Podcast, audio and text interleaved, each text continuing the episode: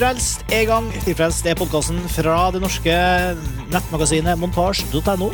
Jeg heter Martin Sivertsen. Jeg har med meg en eh, ja, ganske fullsatt eh, Skype-chatrom her. Her er det Eh, trangt. Her er det trangt. Det var Plassen flytta litt, da, Karsten. Ja, ja, au, au. Erik Vågel her, og Karsten Meinick. Ja. La Lars Ole Kristiansen også med. Halloi. Og Eirik Smidesang Slåen. Ja. Core Crew. Det er første, første Filmfrelst i 2011. Det er nytt Ja. år. Nytt år. Godt nyttår.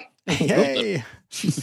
Og hva er vel da mer naturlig enn å la episoden handle om året som vi har foran oss? I forrige episode så oppsummerte vi jo fjoråret, og nå er det også eh, liksom tid for å å, for å se oppsummere litt. eh, framtida. Ja. Så deilig. Skal vi, skal vi kanskje snakke om ingen filmer vi har sett, da? Egentlig. Nei. Ja. Ja. Bortsett fra de som kommer nå i januar, som noen har sett Kanskje. Ja, litt av. og så har jeg én film eh, som jeg faktisk har sett eh, i går og i dag, som jeg fortsatt ikke har sett ferdig. Veldig lang en. Som er veldig, veldig lang, eh, og som jeg føler at jeg har lyst til å si noe kort om, fordi den mener jeg at alle må begynne å bør glede seg helt grenseløst til å se. Er det Ja, klart? da- Veldig bra teaser der, og så holder vi på den, så kommer vi Skal vi ta det i slutten av sendinga, da? Nei, gud! Er ikke det morsomt, da? Ja, Ok, Få høre, da. Hvilken film er det? jeg kan si det. Uh, og jeg vet ikke om den får kinodistribusjon i Norge, og i så fall ikke i hvilken form. Men man kan uansett få kjøpt den på Blu-ray til 10,99 pund på play.com, og det anbefaler jeg at alle gjør nå. Eh, det er filmen 'Carlos' Ah, av det. Trodde jeg det ikke. Er Asayas, den franske regissøren. Og den forrige filmen hans, 'Summer Hours', eh, var også en film som jeg var veldig begeistra for. Eh, og da fikk, jeg, da fikk jeg liksom han litt inn på radaren. Og så hadde jo Carlos premiere under Cannes-festivalen i fjor og fikk utrolig gode kritikker der. Altså Den fikk rett og slett mesterverksstatus blant de som så den fem, og, fem timer og 40 eh, minutters versjonen. Som jeg nå har begynt å se. Og jeg har sett eh, ca. fire timer av den nå. Da jeg har sett to av tre episoder. Og fy faen, så bra! Det er bare helt vilt hvor god den filmen er. Det er kanskje den beste terrorfilmen jeg noen gang har sett. Den minner veldig mye om Steven Spielberg sin München. Ja, Hva skulle jeg til å si, München? Ja, det er jo av helt opplagte årsaker så minner den jo om den, men Carlos er har enda større ambisjoner, da. Og, og er enda mer sånn vittomfavnende, mer, mer interessant. Altså, München er jo fryktelig god. Altså, jeg syns det er en altså, virkelig en fantastisk bra film, men den er mer en sånn slags intens opplevelse. Altså, den, den, jeg føler ikke at jeg kommer så veldig mye inn i den eh, terrorsituasjonen som faktisk var på 70-tallet, men det gjør man i, i Carlos. Og altså, produksjonen er bare helt hinsides imponerende. Den foregår i typ 20 land eh, på ti ulike språk. Alle snakker originalspråket. Det er veldig uh, heldig valg for filmen. Utrolig god og spennende hovedkarakter som gjør at du på tross av at det er mye å følge med på, så blir man aldri forvirret, fordi filmen er faktisk fortalt med en eh, for å nok, trekke nok en parallell til München, med en sånn Spielbergsk eh, flyt da, og kontroll. Og fotoarbeidet minnet meg Jeg har sittet og tenkt hele tiden at det her må være Robert Elswith, men det er nok ikke det. Men det har den Eller jeg vet jo at det ikke er det, men det har den samme sånn 70-tallsfeelingen som Robert Elswith sitt foto har i f.eks. Michael Clayton. Det høres, jo helt, eh, det høres jo helt fantastisk ut, men eh, ikke for å ødelegge festen. Men er ikke dette da litt en 2010-film? Jeg mener, På tross av alt. Altså, det er jo ikke sikkert den kommer på kino. Men det er en, ja, for, det, for det er en, en TV-produksjon, det? Nei, det Nei, er, er det en miniserie? Det er Eller? presentert Nei. som en film i Cannes, det husker jeg. Det var liksom en film, bare at den var fem og en halv time lang. og det er Men den, virkelig ja, den er faktisk filma for TV. Altså, det er Kanal Er? Plus som er hovedfinansiør her eh, i okay. Frankrike. Så, så at den, men den er, den var, jeg tror den alltid var tiltenkt å være både en kino- og TV-film. Ja, for den er jo i Men, Cinemascope. Jeg syns jo det er rart Mm, den er filma for TV hvis den er i Cinemascope. mm. Er- Den var nok, eh, den var nok eh, tenkt som en historie som skal vises på TV. eh, Philips men- har lansert noen TV-er vet du, som eh, Cinemascope. Eh, Kun for dem. Men det Ja. det spiller vel ingen rolle. Det er vel lengden er uansett Ja. litt sånn uh, ubetydelig Eller den er er, jo for lang til å være Mm. Den er jo for lang selvfølgelig til å være en kinolansering, men det, Men det høres jo mer ut som en 2010-film hvis man tenker på lansering og sånn. da. Det som er spennende med 2011, er at vi aner jo ikke, vi aner jo ikke noen ting om Nei. det som er på vei, for det meste. da. Men så, som du kommenterte, Lars Ole, før vi uh, satte i gang her, så, så er det jo sånn at eh, på, liksom, på starten av året så får vi en hel masse filmer som amerikanerne fikk på tampen av fjoråret. ja, absolutt. Som er sånne Oscar-filmer, og da er det ofte en del gode filmer. som vi får Amerikanerne klager at de får så mye dårlige filmer på starten av året. Vi får ofte en del gode. Ja, ja, det Det er høysesong. Og jeg var jo også den som sa før, eh, før innspillingen at uh, vi kanskje ikke skulle snakke så mye om de, fordi de strengt tatt har 2010-filmer, så jeg kaster jo litt stein i glasshus med Carlos. Men jeg har jo nettopp uh, sett den og er ikke ferdig med å se den. Og uh, det er en film som jeg føler at i hvert fall på folkemunne har fått ganske mye mindre oppmerksomhet enn Black Swan og 127 Hours. Og Carlos er, vil uten tvil stå igjen som, som en av de absolutt beste filmene i år for meg. Hvert fall kan jeg etter å ha sett to av de tre episodene. Det er helt sykt, sykt bra. Sa han 13. januar. Ja, det var det jeg skulle si. Er Kickstart på en sånn derre Ja, men altså, virkelig.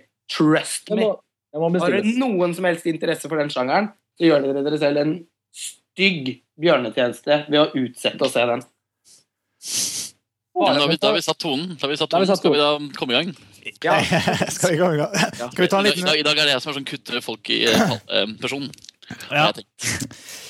Yes, eh, Men Erik, siden du tar ordet her, skal vi begynne å si litt om hva, hva, som skjer eh, i Norge først?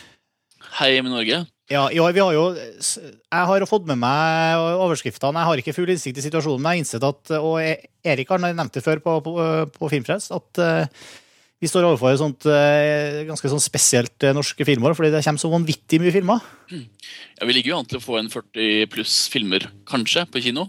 Ja. Eh, Det er jo ikke sikkert at alle de kommer på kino. Sannsynligvis blir det kanskje bare pluss 30 et eller annet sted, men det er jo også veldig veldig mange. Med tanke på at det kom 25 på kino i 2010. Hva, Eh, hva er grunnen til at det kommer så mange nå? nei, altså Det interessante er jo at syv av de her er vel av konsulentstøtta, og resten er privatfinansiert. Stemmer ikke det, Erik? Det er i hvert fall eh, konsekvensen av eh, ny filmpolitikk som gjør at du kan sette i gang et filmprosjekt og, og kvalifisere til støtte i etterhånd uten at du har fått prosjektet ditt vurdert av en eneste konsulent eller panel i Norsk Filminstitutt. Hvilket betyr at eh, en del av de filmene er eller mange av dem er på en måte filmene filmer som er basert på den nye, det som da kalles for etterhåndsstøtta, eh, er jo da eh, lavbudsjetts sjangerfilmer. Eh, og det, det som også er interessant, er at veldig mange av dem er debutantfilmer, mens, eh, altså med debuterende regissør.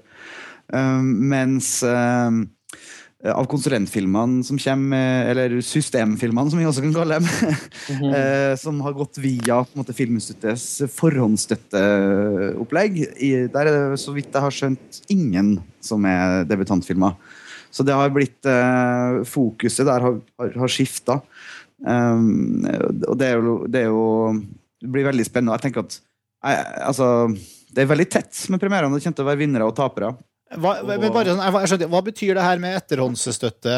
Hva er kriteriene for å få Veldig enkelt. Du, tar, eh, du, en, eh, du lager filmen din, eh, du får noen til å betale regninga, eh, og så, så går den på kino, og så når den 10 000 besøkende, som er en sånn slags sånn grense de har. Og så fra det punktet så kan du rapportere alle inntektene du har på filmen, både på kino eller DVD, i Norge eller utlandet, inn til Filminstituttet, og så matcher de hver eneste krone du har tjent på den filmen. Med andre ord så får du da på, gjennom det eh, betalt tilbake den finansieringa du har skaffa privat i forkant. da. Så det er ekstra lukrativt for investorer å investere i norsk? Ikke nødvendigvis lukrativt. Jeg vil si at det i mange tilfeller kan være veldig risky. fordi at eh, ikke bare har du nødt til å Kanskje spesielt i år, da, for ikke bare har du nødt til å få eh, det som kalles for ordinær kinodistribusjon. Som eh, betyr da at NFI stiller et krav om at det, at det er en eh, viss størrelse på, på lanseringa di. Men også må du må du jo konkurrere mot alle de andre filmene som plutselig dukka opp pga. det her. Sånn at det at det blir tettere i markedet, gjør det her ikke utelukkende Det er ikke noe, nødvendigvis noen gullgruve, for de må jo tjene en del penger for å få, få, få utløst maks støtte, da, som gjør at kanskje filmen går i null. For å, Eh, si, for å sette ting litt i perspektiv, da, så var det jo i fjor, altså 2010, så ble det lansert 25 filmer eh, på kino. Og 25 filmer som hadde av den lanseringen som kreves. ikke sant? Mm. Og av de så var det 24 av 25 som gikk over 10 000 besøkende. Det vil si at nesten alle filmene Mm. var over den grensa som nå Etterlandsstøtten skal gi støtte til. da. Ja, Unntaket men var det- da Gazas tårer av Vibeke Løkkeberg. De, alle de andre gikk over 10 000 i besøk. Mm. Så, så det er ikke nødvendigvis det største hinderet, men det som er, det som er greia, at hvis du, hvis du skal få maks støtte i bakkant, som er 7 millioner kroner for uh, ikke-barnefilm og 9 millioner kroner i, for, for barnefilm, så, så, du, så er du likevel nødt til å tjene 7 millioner netto kroner inn på kontoen din for at staten skal matche det samme, og da kan du tillate deg å ha brukt 14 millioner, ikke sant? Totalt. For da har du Eh, nei, sorry. sorry, da Beklager, sånn blir det ikke. Uh, det her er veldig pinlig. Uh, står her og er filmprodusent og skal prøve å forklare dette. det er like vanskelig for oss å skjønne. Ja. uh, det er faktisk egentlig Ja, Men, men ideen er i hvert fall at uh, i et, i, med en sånn ordning så er det klart at kommersielle kommersielle, billige prosjekt uh, vil, uh, vil ha det best. Det er jo det som er greia. Det er ikke en måte du finansierer en Kongen av Bastøy på, for å si det sånn. Og det har da ført til at sagt at det nesten er eh, altså anslagsvis 40 filmer som kan få premiere neste år. Eller altså i år, da, på kino. Og det er jo da altså uhorvelig mange filmer, da. Og det er jo 52 uker i et år og 40 titler, og da kan man jo regne ut hvor mange premierer det blir i løpet av ganske kort tid. Og det vil jo selvfølgelig gjøre at veldig mange filmer vil falle igjennom, og mange vil bli borte. Og det vil bli veldig fokus på eh, åpningshelg og Ja, åpningstall ikke og så. Alle sånne ting. Men hvis vi skal se det fra et litt annet perspektiv, så vil jeg jo si at publikum er vinnerne her. da. For at jeg tror liksom tilbudet av norsk film vil jo være eh, så rikt som det noensinne har vært. Ja, det var Varg Veum 1, Varg Veum 2, tre, fire Varg Veum-filmer. Nei, nei, men jeg tenker at her, her får nye stemmer prøve seg, da. eh, Men- Gjennom den her eh, måten å gjøre det på. Men det er det morsomme, fordi Jeg vet ikke om du var der, Erik, men Karsten og jeg var på noe som heter Filmvåren og Filmhøsten på Filmens Ja, nå, nå denne uka her, hvor vi ble presentert for klipp fra alle disse filmene. Mm. Eh, Samtlige filmer. Og da, Ja, fortell om det. Ja, da satt jo, det, det, kan, det kan jo fått være et slags bra forsmak eller en bra slags startpunkt for å snakke om norsk film i 2011. Eh, fordi den store liksom, følelsen, da så vi jo altså klipp fra vårfilmene, ikke høstfilmene, eh, var at det var veldig veldig mye som virket veldig amatørmessig. Det var den store liksom, altoverskyggende følelsen da, etter å ha sett alt, alle filmene. Og det var spesielt fordi det var en del titler som virka som sånne lokale farser da, fra en eller annen sånn revy et eller annet sted på Vestlandet. For eksempel, spe- spesielt.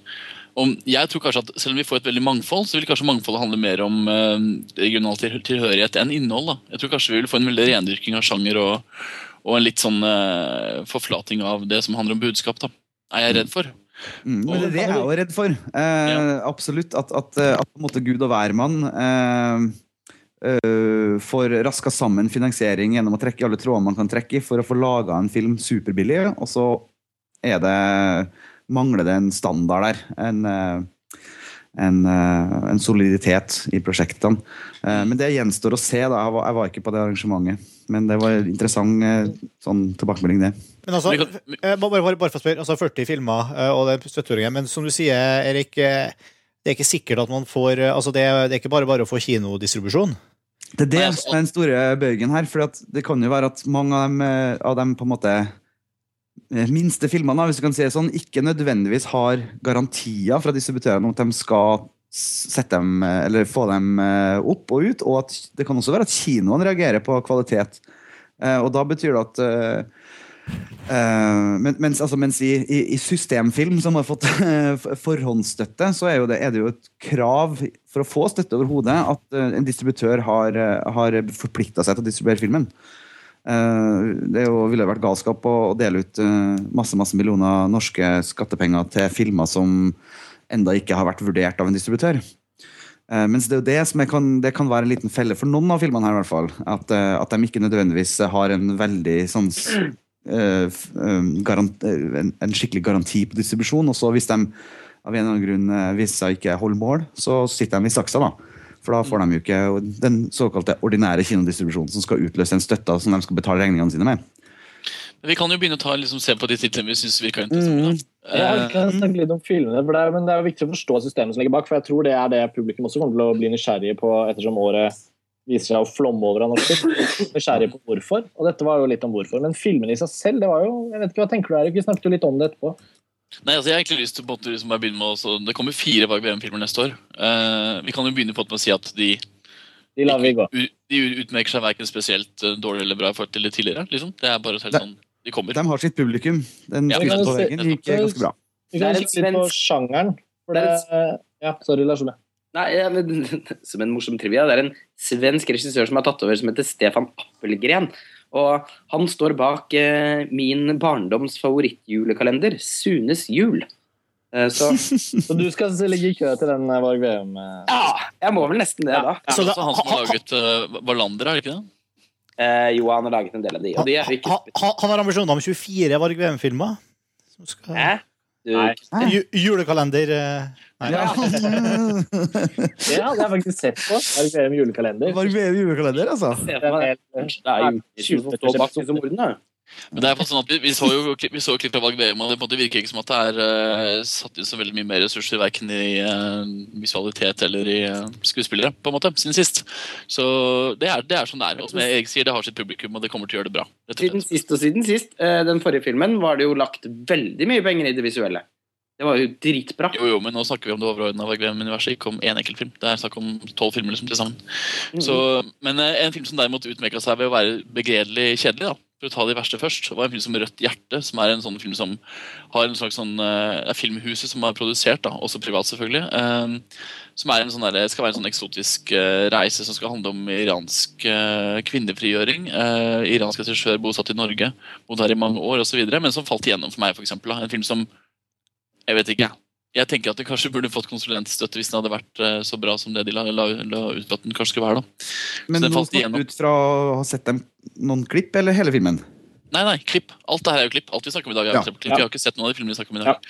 Eh, det er det ene. I andre, andre veien så vil jeg si at en film som Ba- Babycall, som har fått støtte av Pål Slettaune, for eksempel, da, som er en film jeg har forventet veldig mye av, og som jeg hadde på min topp 10-liste over 2011 for å glede seg til, eh, også så veldig kjedelig ut. Altså, Jeg hadde på en måte ikke noe interessant å by på umiddelbart, bortsett fra hovedrollen, som er denne Nomi Rapace, som spilte i Menn som hater kvinner. Så Det var to filmer som viser ytterpunktene for meg. da.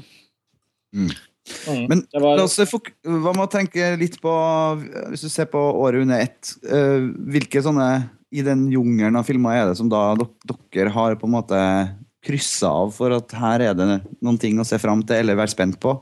For å ikke snakke så mye om dem vi ikke nødvendigvis har så store forventninger til. Fra de norske som ble presentert. Ja, eller ikke bare på Filmvåren-arrangementet, men eh, Nei. gjennom hele året. Det, norske. Altså, det er jo ofte sånn at filmhøsten pakkes litt tettere med kvalitet enn filmvåren. Sånn føler jeg det har vært litt. At det blir mye barnefilmer. Ofte mange gode barnefilmer, men mye barnefilmer og mer sånn diverse på våren. Sånn har det i hvert fall tidligere vært et mønster i hvordan norsk film lanseres. Og så spares på en måte godbitene til høsten. da. Jeg vet ikke om det er tilfellet i år, men, men for, for mange av oss som har satt veldig pris på noen enkelte filmer fra forrige tiår av norske produksjoner, så er det jo spennende at det kommer en ny film fra Joakim Trier i høst. Um, som da er en av de filmene jeg gleder meg mest til, sånn uavhengig av land, egentlig. Han, nå jobbet jeg litt på den filmen i sommer, så jeg er jo litt um, Hva kaller man det? Inhabil på en måte. Jeg, jeg, gleder meg, jeg gleder meg likevel til film. Eh, eh, så det, det er liksom en regissør som utmerket seg med reprise på en så kraftig måte at det er vanskelig å ikke glede seg. Og det faktum at det faktisk har gått hen og laget en film i Norge som sin nummer to, når verden har vært pakket full av tilbud for ham, det er jo opp, litt sånn oppmuntrende på sett og vis i seg selv. da. Den har jo Mm. premiere da til høsten. Da er det vel sannsynlig at de kanskje prøver å sirkle seg inn mot en viss festival på Ja, våren. det, så, det er jo det. Så det er jo lov å håpe at den blir en film som man, man får høre om, eller kanskje se på festival før sommeren kommer. Men, Ja. Det samme tenker jeg også jeg må, må også være strategien. Jeg også har den på lista mi. En, en annen film som også jeg regner med har den strategien eh, der, som har en premieredato satt som 2.9. Teori og praksis av Jens Lien. Mm. Skrevet av eh, med mannen av Nicolai Frobenius. Jens Liens forrige film, altså 'Den brysomme mannen', hadde jo også premiere i 2006, det samme året som eh, reprise. og Det var jo på en måte et forrige gangen et norsk filmår var ekstremt, skilte seg ekstremt ut. Så det, kan, det er lov å håpe at kanskje 2011, med alt det mangfoldet og med det antallet filmer, så vil det være kanskje tre-fire til slutt som i løpet av et år har skilt seg så kraftig ut at vi kan snakke om et betydningsfullt år. Og det er jo kult å se at vi i Berlin i februar starter med hva var det i dag? Seks totalt, inkludert mm. kortfilmer. Så er det seks norske Helt- filmer. Helt vanvittig. Og to i Sundance. Eh, to spillefilmer i Sundance. Og det er jo fantastisk. Eh, bare kanonstart, på hvert fall på den sida. Eh, Hvilke? Hva sa du? Eh, I, i, eh, i Sundance? Mm. Eh, Det er, det er Trolljegeren, og så er det vel Jørgen pluss Anne, ikke sant? Nei, det sykt, sykt lykkelig. sykt lykkelig. Sykt lykkelig skal til Sorry, sorry, Sykt lykkelig. selvfølgelig, Jeg bl- Det blander er samme, samme regissør som ja, Jørgen Susanne, ikke sant? Men, men sorry, jeg blanda jo det. Men uh, Sykt lykkelig er det selvfølgelig. Den skal jo være i, i konkurranseprogram i Sundance, og Trolljegeren skal vises på sånn midnattsvisning. Mm. Og, og det er jo heller Det hører også til sjeldenhetene at eh, Sundance eh, tar inn norsk film. Um, så, uh, så både Sundance og Berlin uh, Det er kjempebra start, altså. Uh, virkelig bra. Jeg ser også på lista her at Tappeluft Pictures slår til med ikke bare Tomme tønner 2 som er på kino nå, men Hjelp, vi er russ, og Hjelp, vi er i filmbransjen. Yes! Det er jo det er ganske morsomt. Vi så jo klipp fra begge to i, eh, på Filmcinemateket. Og Hjelp vi er rus' falt jo ganske fort igjennom og ble litt sånn Altså Det så ut som sånn, liksom sånn uh, mobilfilma russefest. på en måte Det er greit, det funker sikkert for noen.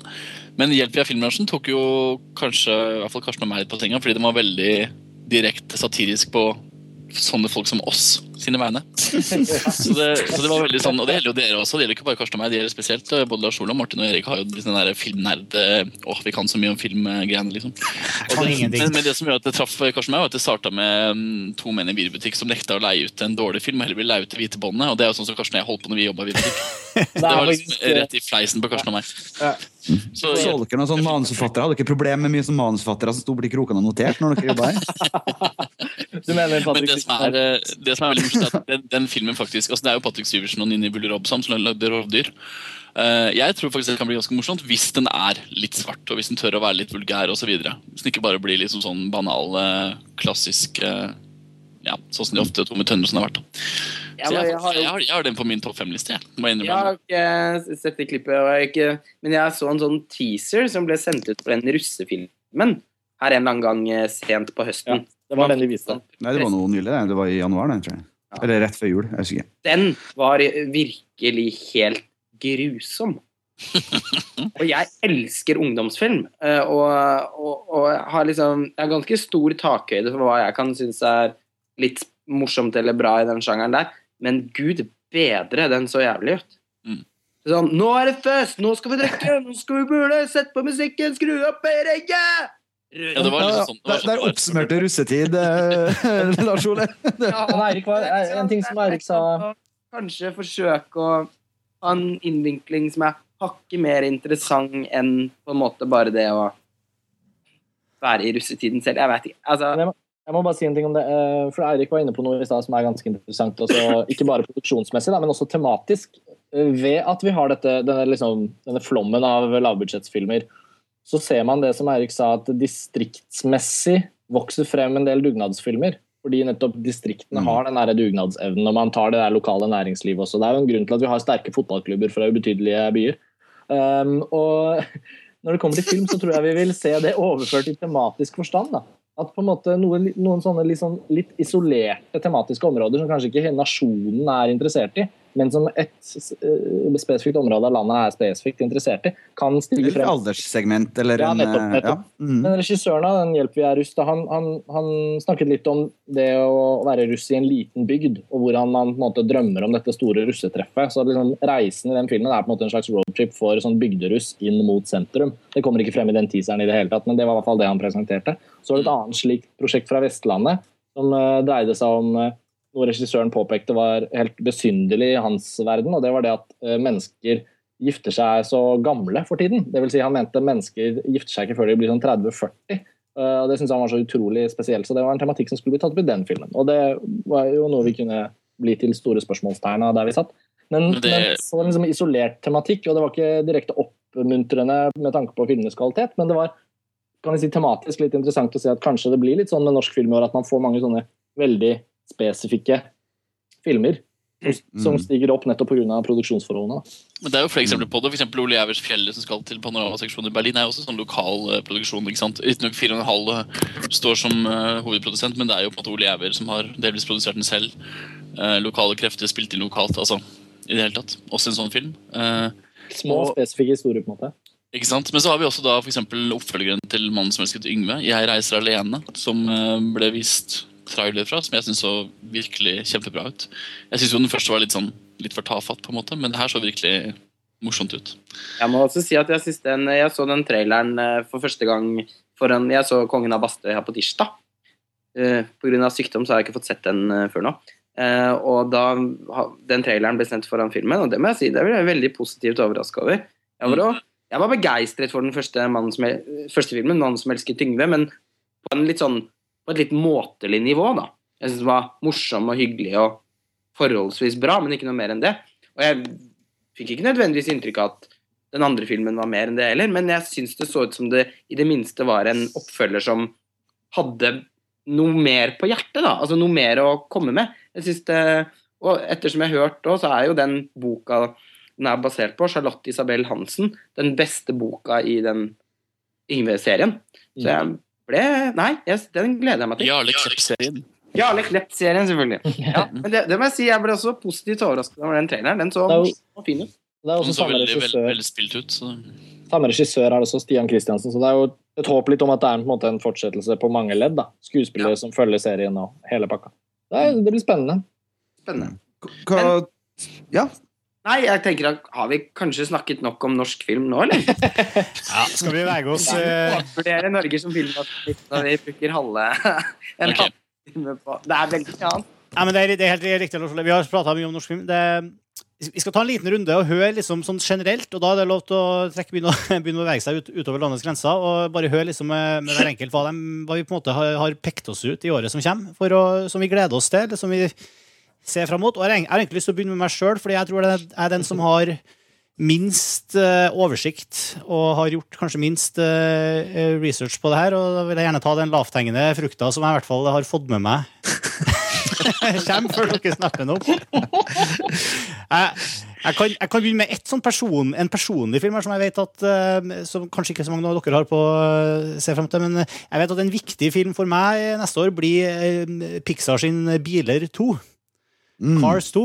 For den eh, Jeg har en sønn som er på fem år, som har sett liksom, eh, Cars 1 eh, 800 ganger. Da vet jeg at det blir en film jeg må forholde meg til. Den kommer til å prege året ditt, rett og slett. Ja, så jeg må bare bli glad i den med en gang.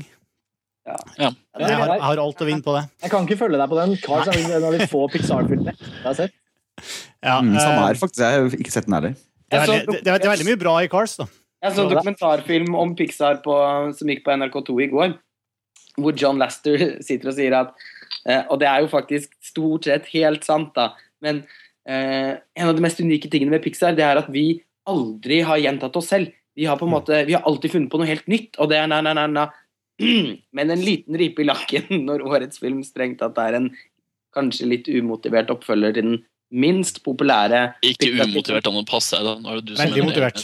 Vi andre er ikke veldig enige om at den er umotivert, akkurat. Jo, men er, hva er det den handler om? Kan du si det? Biler er vel den største merch-suksessen til Pixar. Men penger, Hvis vi dropper motivasjon, da. ja, da, Hva sitter vi igjen med da? Det er Snakk om Hollywood her. Ja. Nå, nå blir uh, Mater og Steve McQueen blir eh, superagenter og skal reise verden rundt. Og de er fortsatt biler. Så riper i lakken er sikkert et bra, en bra beskrivelse. Det blir, den norske, det blir norske tittelen, vet du. Cars. Den norske tittelen. Ja, ja. Riper Men, men, men, men bortsett fra det, altså, har jeg fått med meg at, um, at i hvert fall sånn, Jeg føler at i fjor så hadde vi liksom eh, Avatar og sånn i jula, og så i år så var det liksom ganske sånn tom jul. Men jeg, jeg, jeg, hvis jeg ser helt fram til neste jul, Ja, desember, så ser jeg i hvert fall eh, Jeg håper at vi får de filmene samtidig som jeg får dem i USA, så blir det sånn helt sånn fantastisk eh, sånn Hollywood-jul med to filmer eh, fra Steven Spielberg. Ja, det var faktisk noe jeg hadde lyst til at vi skulle hoppe rett til julen. Ja. og det er bare sånn Først så er det liksom Jeg, vet, jeg husker ikke som er først, men de kommer i slutten av i jula, begge to. Mm. Du har liksom Tintin, Adventures of Tintin, eh, Secret of the Unicorn, tror jeg den heter. Mm. Som er liksom eh, Steven Spielberg og Peter Jackson, som har lagd en sånn motion capture eh, 3D-film. Og så har du Om Tintin, ikke minst. Eh, Om Tintin, ja. Tintin, hallo. Og så har du Warhorse i samme uka, som også er en eh, Steven Spielberg-produksjon med Kaminski på foto. Og begge filmene har liksom John Williams-musikk. og, og eh, ja, jeg tror liksom Bare det i seg sjøl tror jeg det er liksom det jeg kanskje vet at jeg ser mest fram til. For jeg har, det er sikkert så mye som kommer neste år som jeg ikke har eh, liksom forutsetninger for å glede meg til den. Men eh, Det blir jo en kjempestor glede å kunne se. Altså, nå har jo Steven Spielberg faktisk hatt en slags pause. Den siste filmen han lagde, var eh, Og han er jo det var i Indie 4. Ja, ikke sant? Og Indiana Jones. den var på en måte ikke hans beste film. Og, eh, ja, han- Erik, du må trekke inn og ut. Den første halvdelen Sabrura. Sabrura. Ja. Nei, men altså, den første halvdelen av 2000-tallet eh, var jo en, eh, en triumf for, for Steven Spielberg. Eh, han hadde jo en enorm produktivitet. Altså, eh, jeg kommer aldri til å glemme at han lagde AI, Minority Report og Cash Me If You Can på under halvannet år. Det er helt sykt. Det er nesten ingen overgått. Bortsett fra han selv, da han lagde Schillers liste og Jurassic Park. Med sånn. Eh, men han er jo egentlig som skikkelig workaholic. Men eh, etter München så sa det plutselig litt stopp. Og så lagde han bare den Indiana Jones-filmen, som på en måte ikke var så bra som alle hadde håpet på. Og så har han brukt veldig mye tid på dette Tim Tim-prosjektet og masse prosjekter fram og tilbake. og frem og tilbake. Så man liksom Jeg har bare sittet og ventet på at herregud, kan du ikke finne deg noen prosjekter og bare begynne? Og det har jo nå omsider skjedd. Og da gjør han det jo kjempefort. Så da blir det jo Det skal, eh, si, det skal sies at med Tintin så visste de vel at de hadde type ett og et halvt års etterarbeid uansett. da. Sånn Ja da. sånn at eh, det måtte jo på en måte eh, kollidere litt hvis han skulle gå løs på en ny film. Nå skal han jo skyte den der Lincoln-filmen sin også, da. Så da Ja. blir det jo faktisk sånn at når han har gjort to til vinteren, så kommer kanskje den Lincoln neste sommer der igjen. Så da får han faktisk tre filmer på, ja, på kort tid. Og så kanskje Robopocalypse sånn en sånn tre-fire-fem måneder etter den Lincoln-filmen igjen også. Men en Ja, annen men- regissør, Martin, unnskyld hvis jeg får lov å bare hoppe inn, selv om det er du som tanker, det, som skal gjøre to filmer i år, det er Steven Soderberg. Som eh, Fått med én, bare. Han har gjort to, to thrillere. Han lager jo film. Men Han lager jo film med begge enerne samtidig. skal Ja, si. Ja. ja, men han har laget to litt sånne store produksjoner. Da. Det er ikke, den ene er ikke liksom en liten film om en prostituert på Manhattan. Det er faktisk to store thrillere. Den ene er en sånn agent-thriller som er skrevet av han som gjorde Limey, The Limey. Eh, Og den andre heter Contagion, som er en sånn stor sånn virusutbruddsthriller med Matt Damon, Marion Cotillard, Gwyneth Paltrow, Kate Winslet, Jude Law med flere. Eh, Det er ganske kult at Soderberg også er i modus. og Han skal jo legge opp som filmskaper om to filmer. Så kanskje vi skal prise oss litt sånn lykkelige over at han er her nå. Hvorfor skal han? Eller at han skal legge opp. Han, han skal legge opp. Ah, ja. Jeg, jeg er stor Soderberg-fan, og alt kommer til alt. Selv om Og jeg er ikke sin Soderberg-fan, så da har dere ytterpunktene i Karsten og min sin filmsmak. Jo, men Soderberg han er uh, i det minste alltid interessant. Altså, han er ikke alltid god, men han, for meg i hvert fall så er han alltid interessant.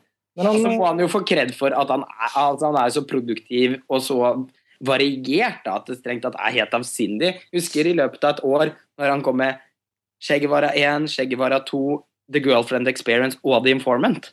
Ja. Det er ganske absurd. Ja, det er ganske absurd. så det, jeg syns det er kult at Soderberg kommer med to filmer. Spielberg kommer med to filmer. Det er jo rett og slett, jeg vil si generelt at 2011 er et, et regissørår. Altså. Hvis dere ser litt på hva som skjer med de store regissørene, både kunstneriske, liksom, ambisiøse autører og liksom Hollywood-filmskapere, så er det liksom et mettet år. Veldig Men jeg, jeg, må, jeg må inn og hoppe inn og bare nyansere litt det med at eh, Steven Spielberg eh, har vært uh, bort fra manesjen, men han har jo ikke det. Han har jo ikke bare to filmer med regissørkreditt.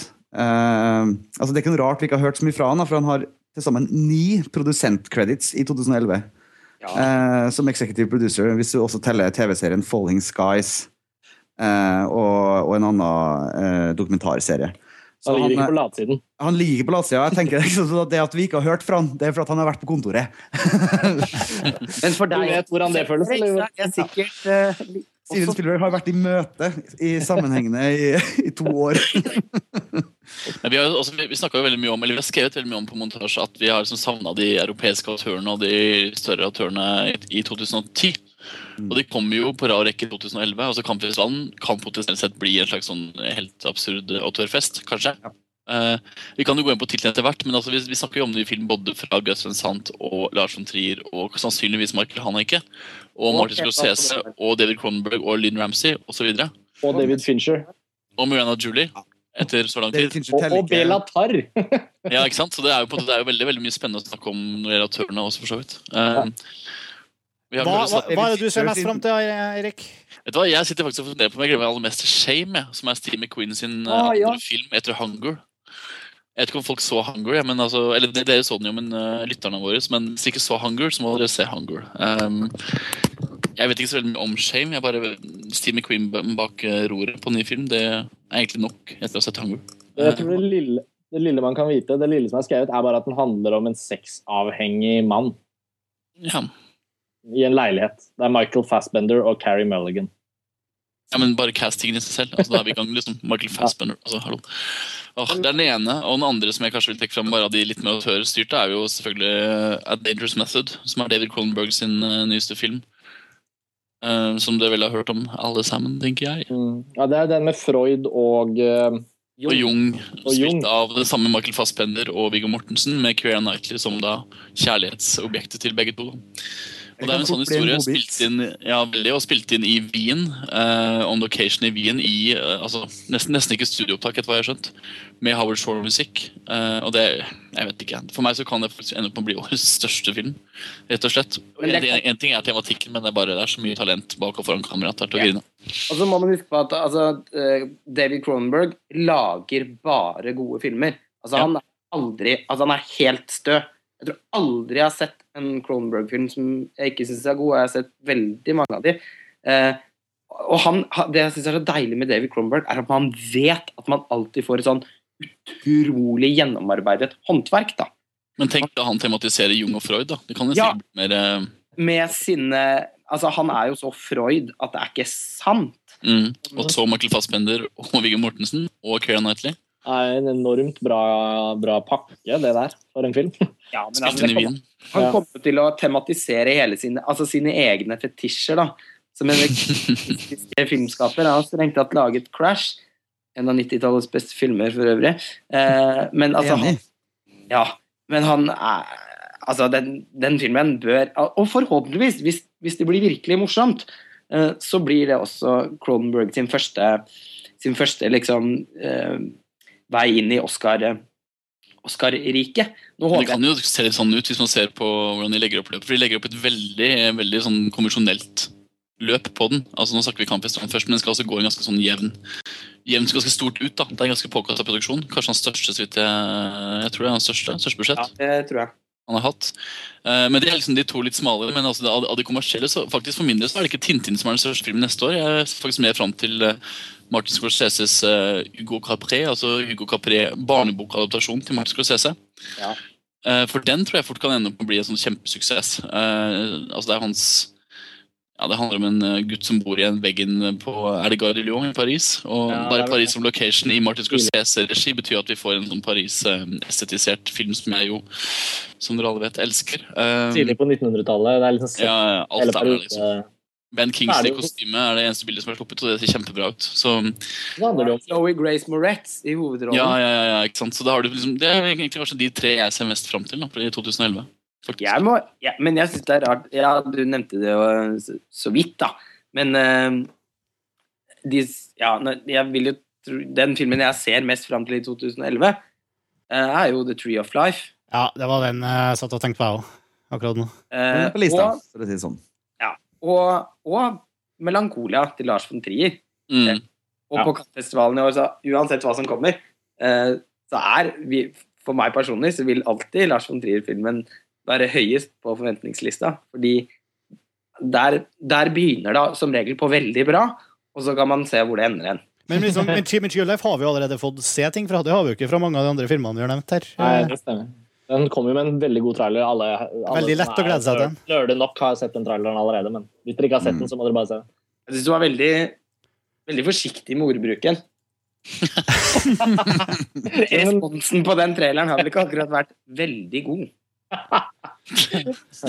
Man må spare noen ord til selve filmen. Ole. Jeg syns Trond oppsummerte det ganske greit i artikkelen som han skrev på montasje. Og sannsynligvis er en av de beste trailerne som er lagd noen gang. Den er jo rett og slett en, et lite verk i seg selv. Mm. Den, er helt, den er helt utrolig. Men det var kanskje de fem filmene vi som samlet på montasje mest fram til. De fem vi sa nå, var det ikke det? Ja, Det skal være litt sånn, eh, sånn Ja. ja vent litt. Jeg har, eh, jeg tror jeg har et par til. Martin, hvem er neste på lista? Er det Lars Ole? Han. Ja, Lars Ole kan få lov til å slå, seg løs her. Ja, jeg gleder meg veldig til Le Piel que Habito, den nye filmen til Pedro Almodovar. Mm. Som handler om en plastisk kirurg som går ut med knivsettet sitt på hevntokt for å drepe noen personer som har eh, voldtatt eh, og mishandlet datteren sin, og som skal bli spilt av Antonio Banderas. Det er med andre ord eh, den første litt sånn renspikka thrilleren til Almodovar på veldig, altså siden 80-tallet. Eh, og ifølge han selv, da, så er det jo den mest den mørkeste filmen som han har laget. Eh, den ser jeg veldig, veldig fram til. Og så eh, gleder jeg meg veldig til Play av Ruben Østlund, Mm. som, eh, som har Den har jo vært veldig lenge i postproduksjon. Det er en stund siden den ble spilt inn. Så det skal bli spennende å se se hva han har gjort med den. Eh, Det er en film som skal foregå i realtid og handler om et bankran. Og den her eh, kortfilmen hans, eh, 'Hendelse vid bank', som jo vant i, vant i Cannes Berlin i fjor. Berlin var det. Eh, og som er en veldig veldig god kortfilm. Eh, Den er jo en sl sånn slags vorspiel til den her Play-filmen. Eh, så det blir veldig spennende. Og så er det en film som heter Meeks Cutoff av oh. Kelly Reichard. Og nå var jeg kanskje nesten litt stygg mot Karsten, som tok du tok den La fra fram som la fram det S-et først. Fordi jeg har jo ikke da sett eh, Wendy and Lucy, som var Kelly Reichards forrige film, som Karsten, på tross av Karstens utallige forsøk til å overbevise meg om at jeg skal se den filmen, fortsatt ikke har fått somlet meg til. Den er jo så lang som 80 minutter cirka, så det er jo veldig vanskelig å få presset inn den i en travel hverdag. Ja, jeg ser kort så litt- eller Lars Ole ser bare femtimers eller timers. Verk. Altså, er det under eh, tre timer, da er det Nei da, men jeg, jeg, skal, jeg skal, eh, skal få sett eh, den filmen. Men, Men Mix Cutoff, som du var på vei altså det, er jo, det ser jo virkelig ut som hennes mest spennende film, faktisk. nå. Ja, absolutt. Jeg syns jo faktisk ikke Wendy and Lucy virker så spennende. Det er derfor jeg ikke har sett den.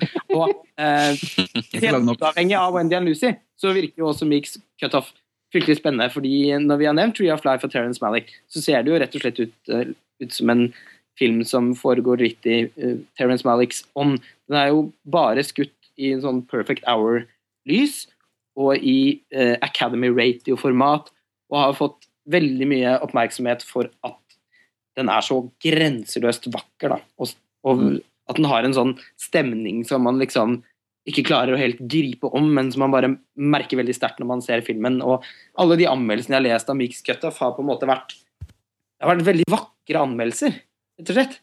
Altså, det er så tydelig at den som har liksom sett filmen og skrevet om den, har blitt så inspirert av å ha sett filmen at det har blitt litt sånn rett og slett litt sånn flotte tekster av det. da.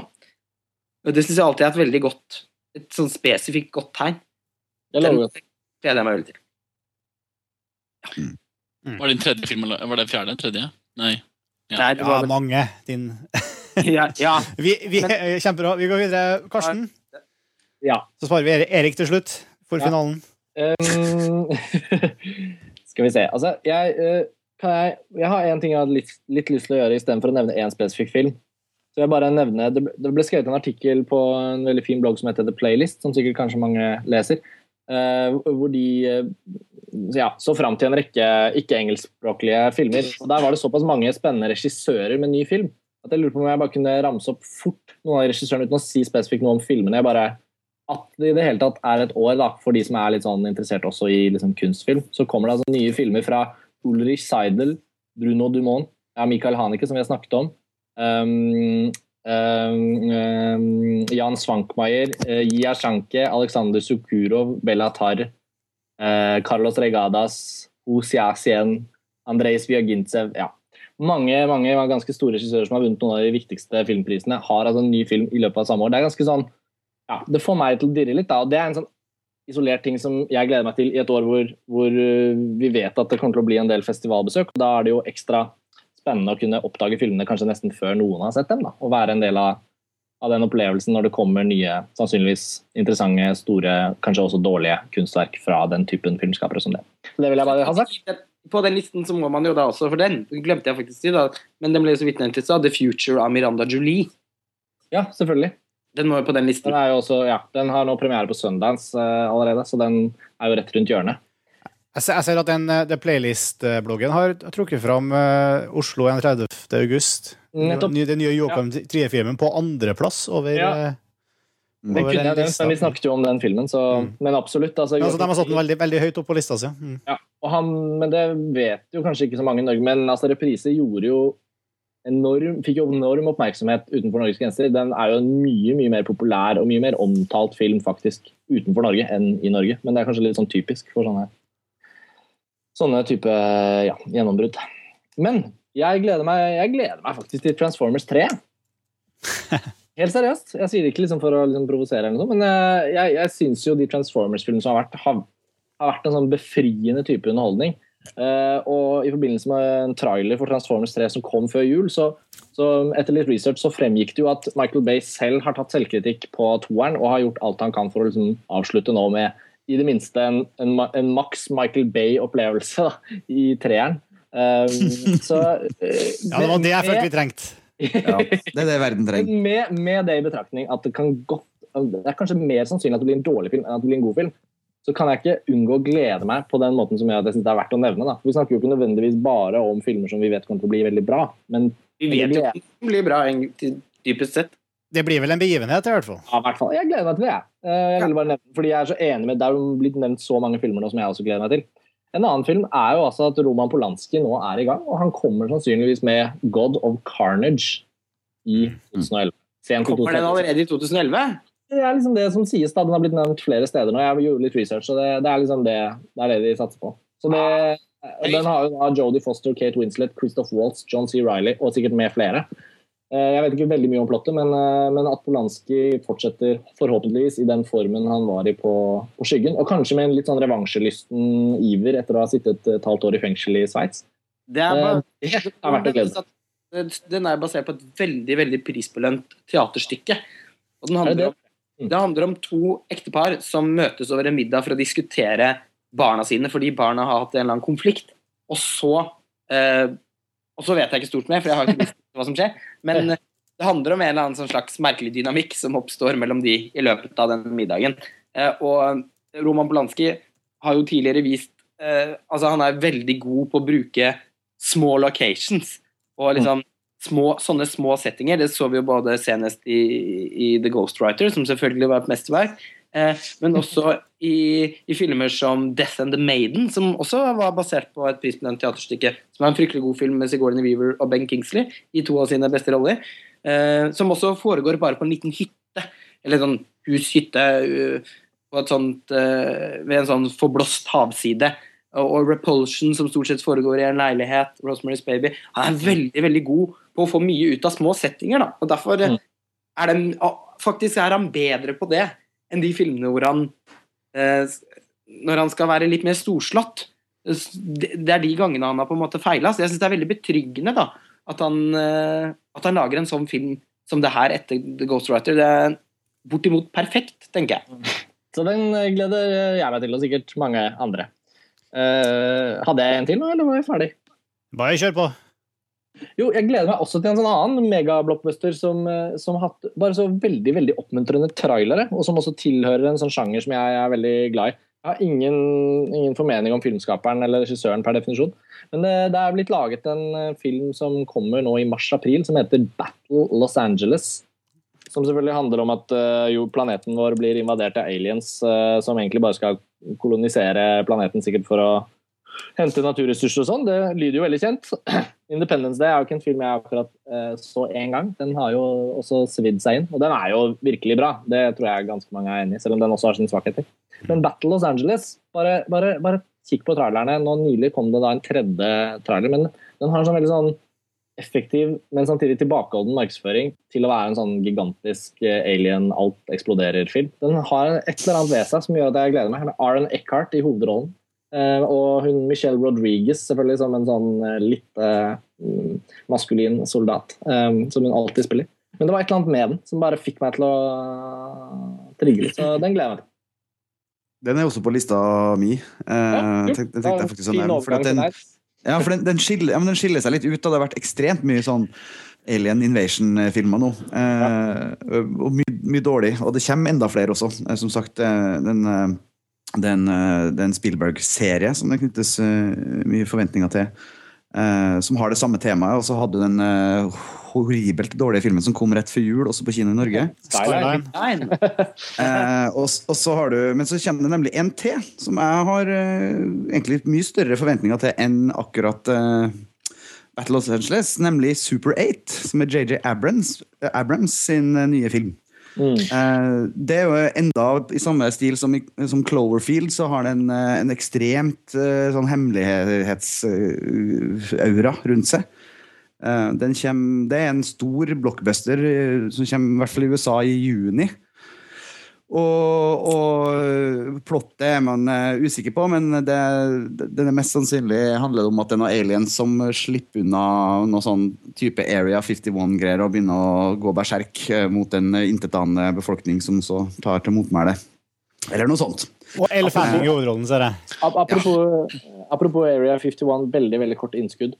Eh, Den store regissøren av den originale Paranormal Activity-filmen, han Or eh, et eller Pelly? Eh, Ja, han skal, lage, han skal lage en sånn eh, Area 51-film med sånn superlavt budsjett, ukjente mennesker, dårlig eh, produksjonskvalitet etc. etc. Jeg gleder meg ikke til det. Den har ikke jeg heller nå. Som Men- man, men- kan men- liksom, som man kan være litt skeptisk til, men som jeg strengt tatt i økende grad merker at jeg jo gleder meg jævlig til å se. Det er jo David Fincher sin neste film. The Girl with the Dragon Tattoo. Men først må Erik få si sin, Ja. så kan vi ta vår. ja. jeg. Men da- jeg drev og okka og stønna i stad når David Fincher ble nevnt eh, som en av eh, mesterne som kommer med film i, i, i 2011. Og jeg bare tenker jeg er så utrolig lite interessert i å se hans remake av den svenske filmen. Eh, Det er bare Det er så mye annen bra film som jeg vil prioritere over. Eller så mye mer, eh, i hvert fall sånn på det teoretiske planet som er nå, da, tidlig i 2011, som eh, Altså- jeg kommer jeg ikke til å prioritere å se. Særlig når den fortellingen faktisk ble fortalt ganske rimelig perfekt i svensk filmform allerede. Så da, Ja. da er det litt vanskelig å glede seg på det planet. Men når den kommer tikkende, og når markedsføringen begynner å kicke inn, og liksom, man vet at kjernematerialet er så bra, hildematerialet er så bra, så er det vanskelig. Men, men også blir det en film som kommer hit til Norge òg. Ja, ja. Fordi at Er det gæren? Det kan du skrive under på. Nei, men også, nei, men også gutta, at jeg, jeg spør jo fordi at eh, vi har jo, altså, i forhold til remake, vi har jo også en remake av den herre La den rette komme inn. Ja, den kom aldri. Den kom ikke hit. den, den kom jo ikke hit. Nei, men det er vel ikke Den var en liten film i Norge. Det var jo ikke David Fincher, Jo. selvfølgelig. Men eh, Altså, sånn relativt sett.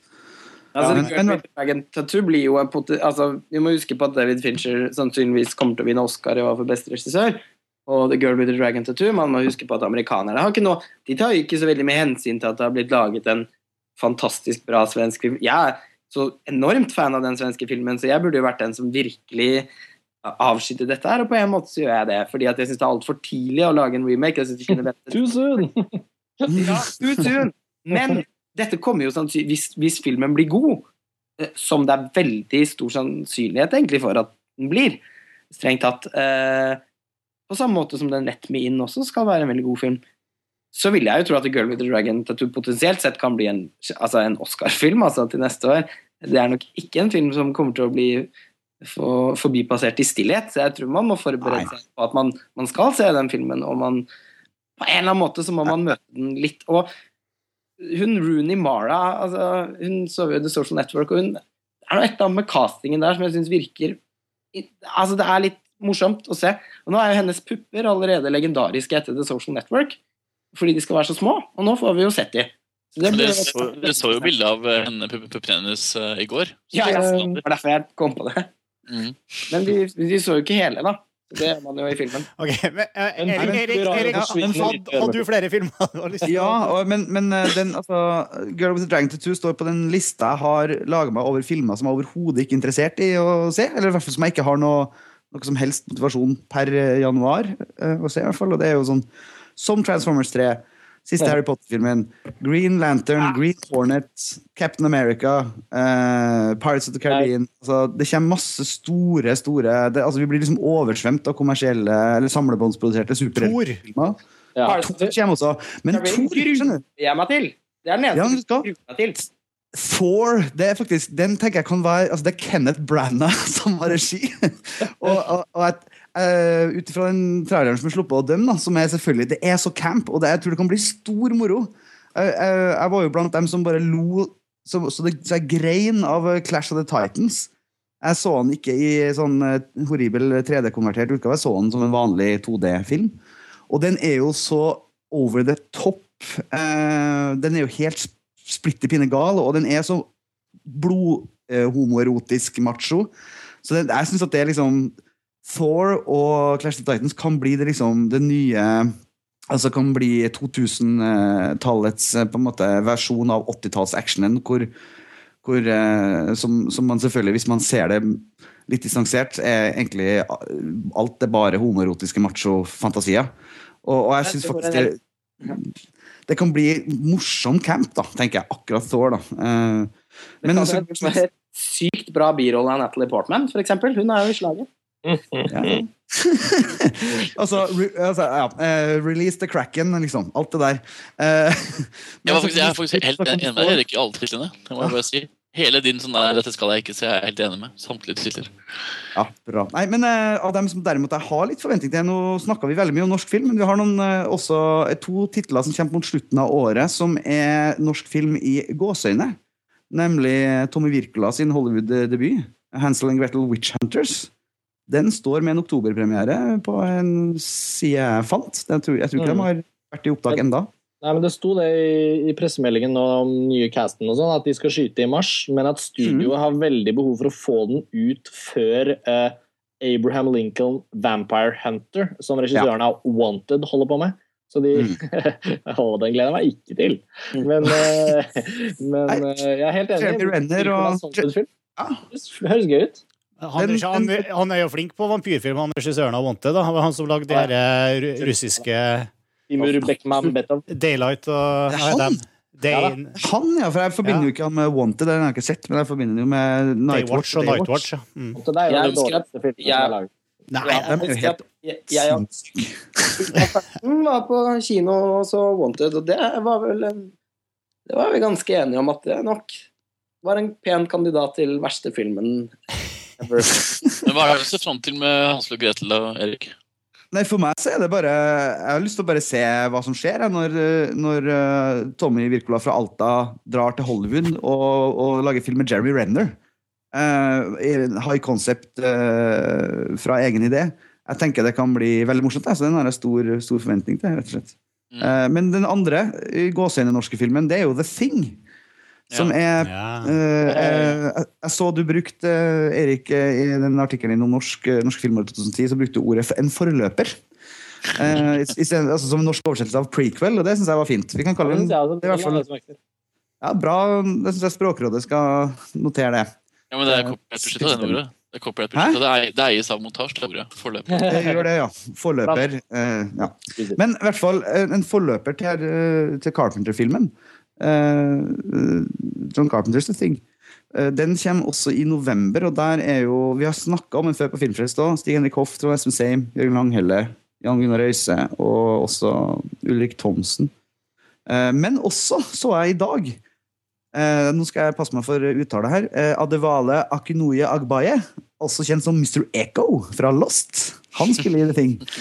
Og, og her loves det Jørgen Langelle med flammekaster, eh, og forhåpentligvis eh, gode praktiske effekter i Carpenter-ånd. Eh, norsk eh, forskningsmiljø møter eh, terror fra det ytre rom. Det må jo bare bli morsomt på den ene, ene eller den andre måten. Det kan også bli katastrofe, selvfølgelig, men jeg tenker at det, den har jeg i hvert fall stor forventning til. da. Det er i hvert fall en film som jeg er ekstremt skeptisk til at man skal lage en remake av. Det er, ikke remake. Det er ikke remake, det er, f det er en forløper. Montage. Ja. Forløper. Historien om de norske. Nei, men Yes. ok, Da kan det bli morsomt. Jeg trodde faktisk at filmen var en remake. Beklager. Nei, men, det, men jeg tror faktisk det er mange som tenker det. Um, Det er ikke ei bikkje, det er en ting. det er ikke bikkje, det er en slags hund! Det er en slags uh, når verdens mest klossete norske forsker skal prøve å kaste en, hva er det, han skal kaste en håndgranat på den bikkja i starten av den første filmen, og så, Og så tar det helikopteret. så sklir den, og så glipper den, og så fer den håndgranaten bakover inn i helikopteret han kom med. Og så sprenges alt, og så får ikke den amerikanske basen, da, som da den filmen handler om, får ikke da eh, med seg advarselen om at det ja, eller at det var en slem alien som kan forandre form og etterligne andre livsformer. Jeg kom på en annen film som jeg merker at jeg gleder meg litt til. Ta på. Pål Bang-Hansen. Kom det igjen i stemmen din. Ja, beklager så meget. Det er kjempekoselig. En strålende film! Skal vi se Nei, men jeg vet ikke. Men, men jeg må at jeg faktisk gleder meg litt til å se den, den Judy Foster-filmen The Beaver. Beaver. Ja, men det gjør jeg også. Ja, ja, ja.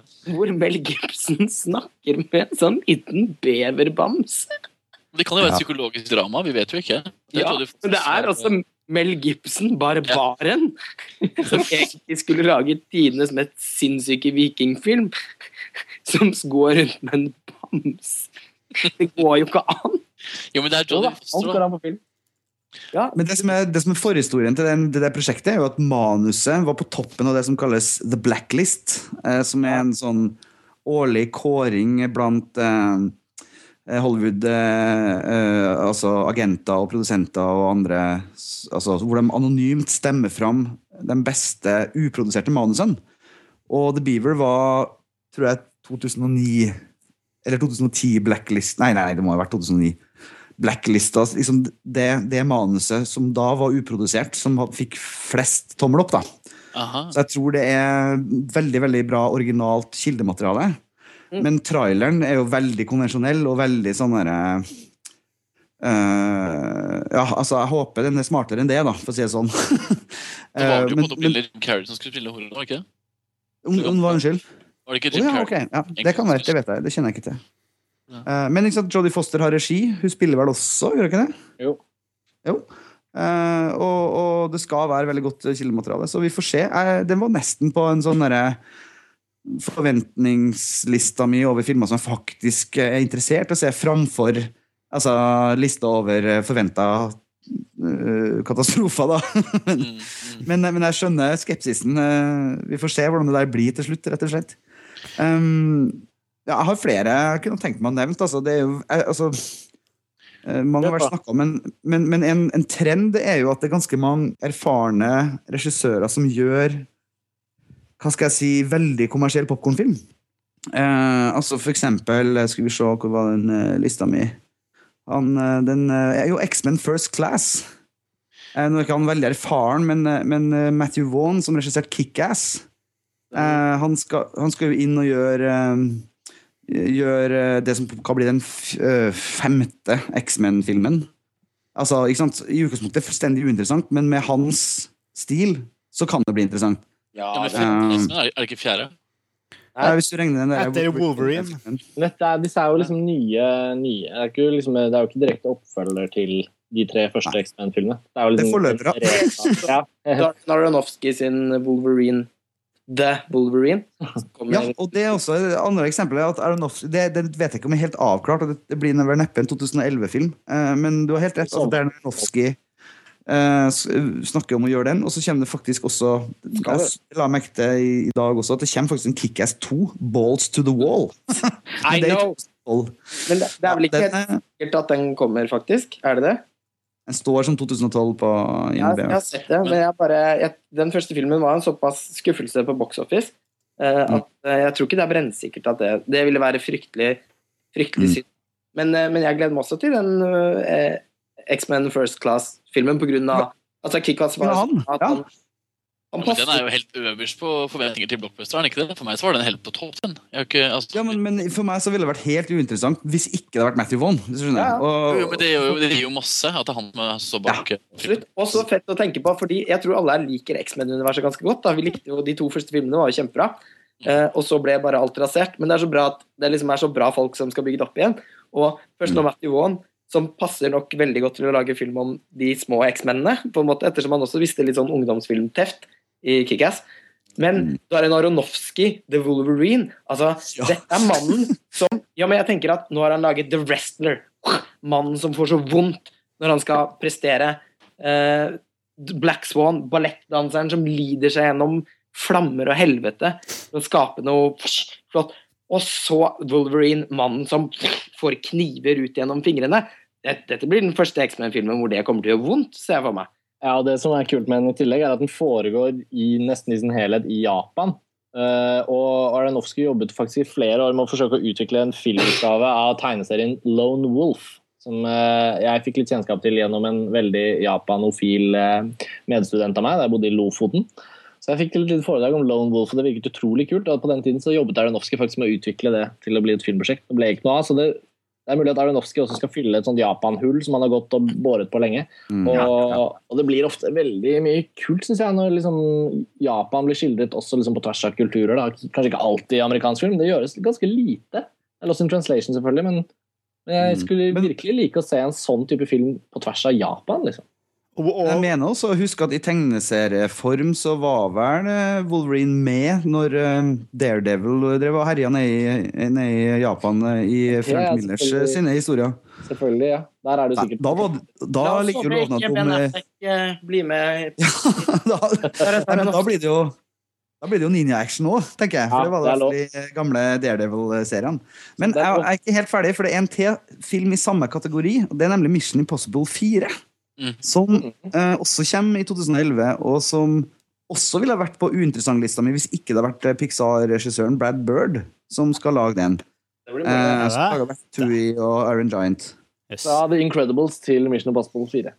Ja, og, og jeg tenker at eh, altså, igjen da, det, det gjenstår å se, både med, for meg gjenstår det fortsatt å se om, altså, jeg håper jo at for eksempel eh, at Matthew Vaughan ikke blir overkjørt av studiosystemet, og det samme gjelder jo her, at Brad Bird, som er en ganske humanistisk og god forteller, historieforteller, eh, altså Iron Giant er en av mine desiderte favorittfilmer.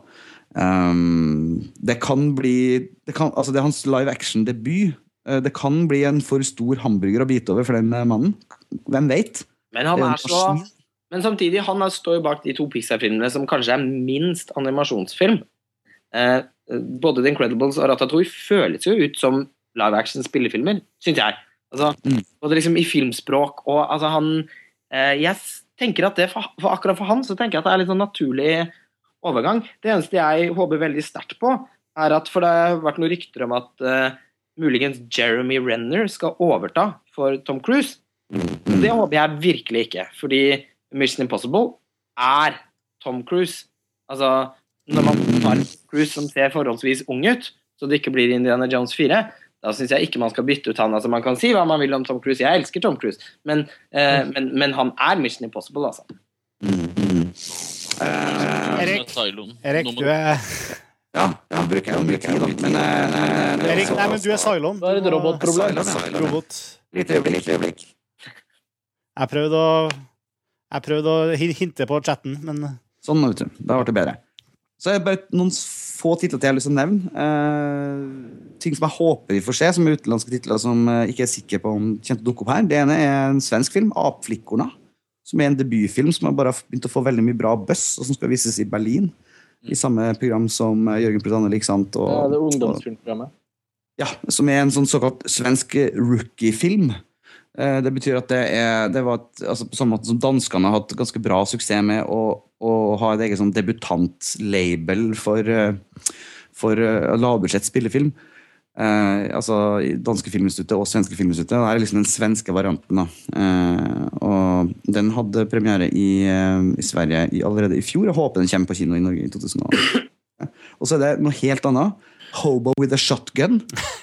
Eh, vises i, med Rutger Hauer. Den har vel sin premiere i Sundance-festivalen straks. Basert på en trailer, sånn som Machete var, som var, ble laga i forbindelse med Grindhouse. Det var en konkurranse som regissøren vant. eh, hvor de, eh, folk, hvem som helst kunne lage en Grindhouse-trailer, og så fikk de distribusjon sammen med Tarantino og Rodriguez sine filmer. Hollywood with a Shotgun er sånn eh, vigilante-film. Det kan bli Uh, der mista vi Erik. Yes. Men det kan bli. Det kan bli. Det, det kan bli. Det kan bli, det kan bli alt. I hvert fall Håvard Shotgun er sånn eksempel, i likhet med Machete, hvor liksom det, det, er så, det er så rett mann for rett jobb når du ser på hovedrollene. Han, eh, Danny Trejo i Machete og Rutger Hauer er liksom perfekte karen for eh, den type rolle. Det er, så feil, det er så feil film for meg. Det kan ikke bli en feil film for meg heller. Jeg har ikke sett Machete heller, så jeg vet ikke, men eh, Jeg, jeg misliker jo veldig sterkt Rodriguez. Han er jo kanskje, for meg er han kanskje verdens nest verste regissør. Etter Ron Howard. Ja, det er ikke, Nei, Etter han som ble nevnt i sa- i samme slengen som Spielberg i stad. Men, eh, men altså Det er ikke mulig. Steven Soderberg, kom igjen. Jo, jo, Provo- Provokasjonsforum. Film fremst. Ja, ja. Ja, ja, herregud, Men en, en, en film som, som ikke var med på Eriksens liste, var jo altså, Vi må jo snakke om The Hangover Part 2 også. Fordi jeg mener, jeg synes jo Hangover var den beste komedien som kom var det i fjor. For i fjor. Den var dritmorsom. Og nå kommer det en oppfølger, og det kan jo bli en kjempedårlig oppfølger, men herregud, jeg, jeg er jo faktisk ganske høye forventninger. Tross alt. For jeg er ikke den første. Og så kommer han eh, Greg Mottola med en eh, ny film som begynner å få en del buzz. Paul. Som også, med han derre lille alien-fyren. Paul heter den vel. Paul. Ja. Den kan jo Nei, jeg vet ikke. Jeg, jeg, jeg, synes ikke Skeptisk.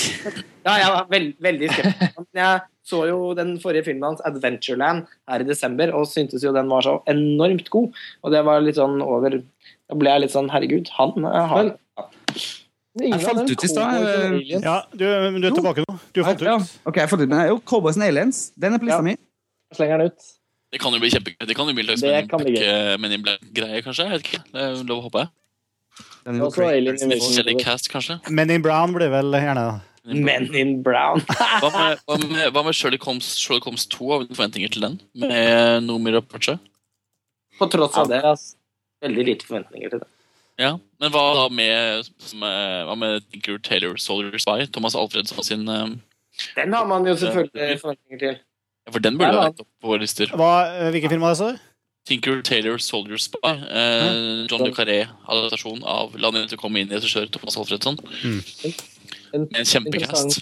En interessant ting der, bare for å skyte inn, er at uh, Alfredsson, i, tillegg til et par andre regissører, er sånne filmskapere som har fått et gjennombrudd med en spesifikk film, og som i år skal lage en, måte, en engelskspråklig eller ta steget opp, eller hva nå enn de kaller det. Det er ganske mange sånne typer regissører som han, som fra har forlatt sine land til fordel for å gjøre ting på engelsk. Da. Det betyr jo ikke nødvendigvis at det blir dårligere i det hele tatt, men, men det er litt interessant. Alfredsson, det, jeg håper virkelig han lykkes. Altså. Det, han har jo hatt en kjempecast. Hvis man ser på den lista, så tenker jeg bare det må jo bli bra.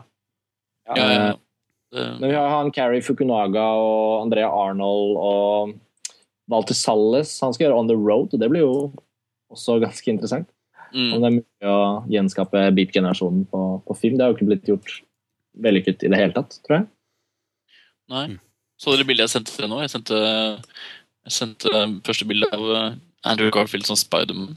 Kommer Er det interaktivt? Spiderman er, det er vel 2012. De skyter den nå, Ah, ja. så det er spesielt. Den kommer jo i 3D. Med ny kast. Både på han og hun. Skal vi snakke litt om 2012 også? For da er Ja, jo men hun Hva er ikke det hun Emma Stone som skal bli den nye Spiderman altså Spiderman-babyen? Jeg tror det. Ja. Ja, hun eh, eh, ECA har jo premiere på norske kinoer i morgen.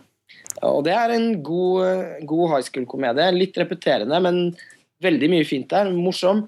Men først og fremst, det som virkelig løfter den filmen, er jo en helt fantastisk god hovedrolle. Hun ble jo Golden Globe-nominert, men eh, jeg syns faktisk hun burde fått en Oscar-nominasjon også for, for hovedrollen sin i ECA. Emma Stone hun er virkelig et funn, så det skal bli morsomt å se henne det er, det er veldig heldig at de tar og spriter opp det her eh, eh, Spiderman-universet igjen. Det, er liksom, det merker jeg at jeg er klar for å se igjen. Og nå en eh, heftig og risikabel musical, har jeg altså skjønt. Hvor det stadig vekk blir flyker folk i kulissene og brekker lemmer og bein. Og... ok. Eh, Erik, eh, du ramla ut flere ganger her. Hadde du Ja. eh, kommet deg gjennom eh, filmlista di? Jeg føler meg ferdig, jeg. Da tror jeg vi alle egentlig er litt sånn ved veis ende. Vi kunne jo prata i tre timer til om eh, neste år, eh, tror jeg. For det er jo bare å liksom pløye seg gjennom lista. Men eh, vi kan like så godt liksom, runde av der. Min magefølelse er i hvert fall at det, det ser ut til å bli et veldig bra år. Ja, Sorry. og jeg må nevne én ting til, fordi eneste grunnen til at jeg ikke nevnte det, var at jeg tenkte at det var så ekstremt opplagt. Men ettersom den til og ble benevnt som en ikke-glede seg til-film i stad, så ble jeg såpass provosert at jeg er en helt neste. ja, og det er selvfølgelig den siste Harry Potter-filmen. Harry Potter og dødstalismanene del to. Den gleder jeg meg noe helt jævlig til. Eh, Den, den håper jeg blir en av årets beste filmer. Jeg tipper at jeg kommer til å sitte og hylgrine i kinosalen. Jeg hører deg, Lars Ole. Jeg kommer også til å Ikke glede meg. Lars Ole Kristiansen. Ja, men herregud, altså, det blir jo faktisk en slags liten Return of the King, altså. Så det Mm. blir veldig, veldig Og det er en serie som har holdt på i elleve år nå. Jeg tror, jeg tror det er de, Folk som har sett filmene, og uansett De fleste har et litt sånn blandet forhold til filmserien. altså De liker noen filmer og andre ikke så, godt. Men altså, jeg tror de aller fleste kommer til å Hvis han i det hele tatt har ivaretatt det som er skrevet i den boka, som den er basert på, så vil jeg tro at de aller fleste kommer til å bli ganske rørt på en eller annen måte av den filmen. Eh, Men er ikke det sånn at den første halvdelen av filmen var så treg, og nå skal den andre halvdelen bli en sånn, en sånn stor, lang actionsekvens på to timer? Ja, det som er veldig kult, det er jo at de har spart Altså, den første filmen har jo tatt to tredjedeler av boka. Eh, Så det er jo bare, en, bare en tredjedel som er igjen til den siste filmen, og det er veldig veldig lurt, fordi det skjer ekstremt mye eh, i den siste tredjedelen av den boka. Og det at man har en hel film til det, betyr jo bare at, de, at det nettopp ikke kommer til å bli sånn heseblesende. Det tror jeg er veldig, veldig lurt. Eh, For det er veldig mange ting Altså, hele serien skal nøstes opp. Og Bare vent før de begynner med forløperfilmer i 2012 til, ja, til Harry Potter. det kan faktisk ikke skje, fordi de har jo en eh, Det er jo en epiloge der som de jo har spilt inn. Ok. Um, ok, klar for uh, det, konkurranse, folkens? Ja! Gjett filmen. Vi begynner med forrige ukes klipp først, som oppvarming. Her er den.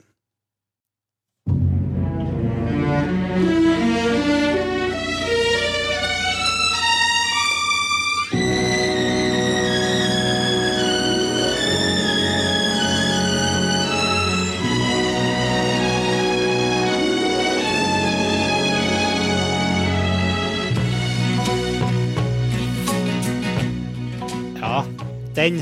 Den var så lett, den. Ja, vi kjører litt lett nå. Vi har fått så få svar eh, de par siste gangene. Det har vært litt for vanskelig.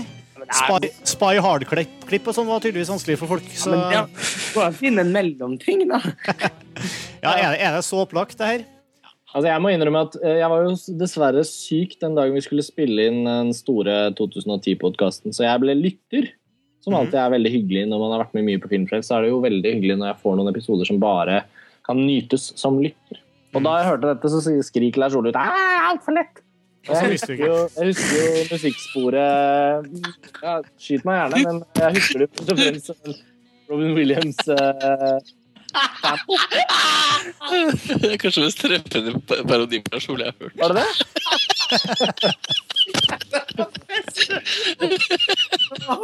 Best play ever. Så bra vi hadde det på opptak.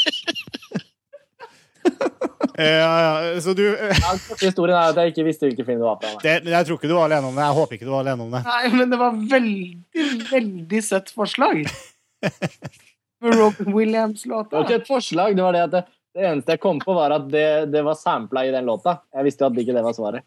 Ja, men det, nei, ja, men det, hvordan skulle det vært svaret, det skjønner jeg ikke. Ja, okay. Men svaret selvfølgelig, Lars Ole? Uh, You Only Live Twice med Nancy Sinatra. Fra den norske tittelen på filmen James Bond i Japan. Har jeg ikke sett. Japan. Som min kamerat misforsto i videohylla på 80-tallet og trodde det var James Bond i Japan. Ja. James Bond i Japan. Eh, Det er jo um, eh, Vi har eh, flere som, er, som sendte inn riktig svar her. Eh, Det er jo en film Han som har han, han som har regissert filmen, her, han heter, heter? Louis Gilbert. Han har også lagd Moonraker og The Spy Who Loved Me. Og det er vel Det er nok eh, kanskje Tidenes klassikere.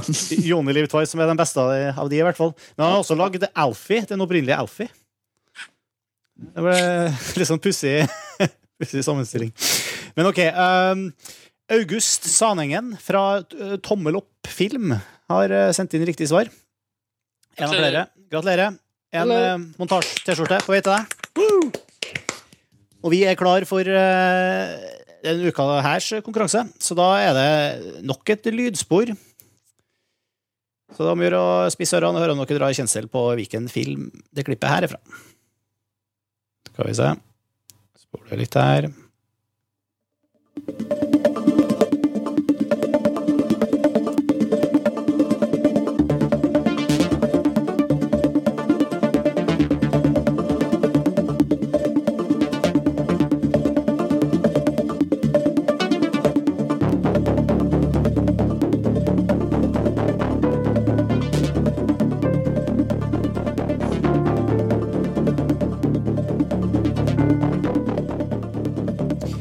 Er like enkelt, å Ole.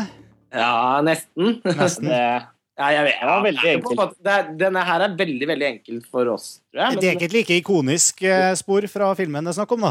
Nei, ikke sant? Som, eh, som det forrige var. Og det er også, et, det er også, man kan også si at det er ikke tilfeldig valgt uh, låt. Det her, det har uh, kan man si at det er blant de veldig få regissørnavnene som har blitt nevnt i denne episoden, så er det fra en av dem sine filmer. Og jeg, jeg vet hvilken regissør, men ikke hvilken film. ah. Aha. Men i hvert fall, hvis dere som lytter drar kjensel på eh, hvilken film det, det musikken der eh, var henta fra, send dere en mail til filmfrelst at montasj.no. Sett eh, Filmfrelst konkurranse episode 55 er det vel nå, i emnefeltet. Så må vi ha postadressen deres og hvilken T-skjortestørrelse dere ønsker dere hvis dere skulle vinne. Sånn. Kult. Det var det. Da er det nok et filmfrelst år i gang. Ja. Har vi ikke snart toårsjubileum nå? Eh, jo, det har vi sannelig. Det er faktisk nå, da. Vi starta vel i januar eh, for to år siden. Nei, det er i februar, tror jeg. Hva var det? Jeg mener å huske at første sendinga var, det var noen rapport fra Berlin. var ikke det? Slumdog Millionaire. Nei, da, sorry. Ja, men da var det andre sendinga var Det Berlin. var eller noe sånt. Men det var ikke Slumdog også i slutten? Nei, det var kanskje ikke. Nei, jeg tror det var Slumdog for ca. akkurat to år siden. Gratulerer til oss! Yay! Yay! Jeg tror det er type neste episode, altså, bare for å dempe festen. Ja, ok. Eh, Neste episode så skal vi se tilbake igjen. Da skal vi snakke om, eh, da skal vi snakke om filmmusikken i 2010. Ja, og det, blir, og det blir gøy, for da skal vi også være lyttere, mange av oss. Ja, da skal vi ha med litt av, da skal vi ha med folk eh, Da skal vi, blant annet Tor Joakim være med, og folk som har vet veldig mye om filmmusikk, skal være med og fortelle oss om eh, det fantastiske filmmusikkåret vi hadde i fjor. Filmmusikk spesial. på mange måter. Yes. Uh, det her er altså Filmfrest. Fra montasje. Uh, musikken som uh, du hører under her, som er tittelmelodien vår, er fra det norske bandet Ping. Hør mer fra dem på thepingpage.com. Og vi er tilbake om eh, ja, et par ukers tid. Takk for laget, alle sammen. Ha det! Ha det bra. Hei.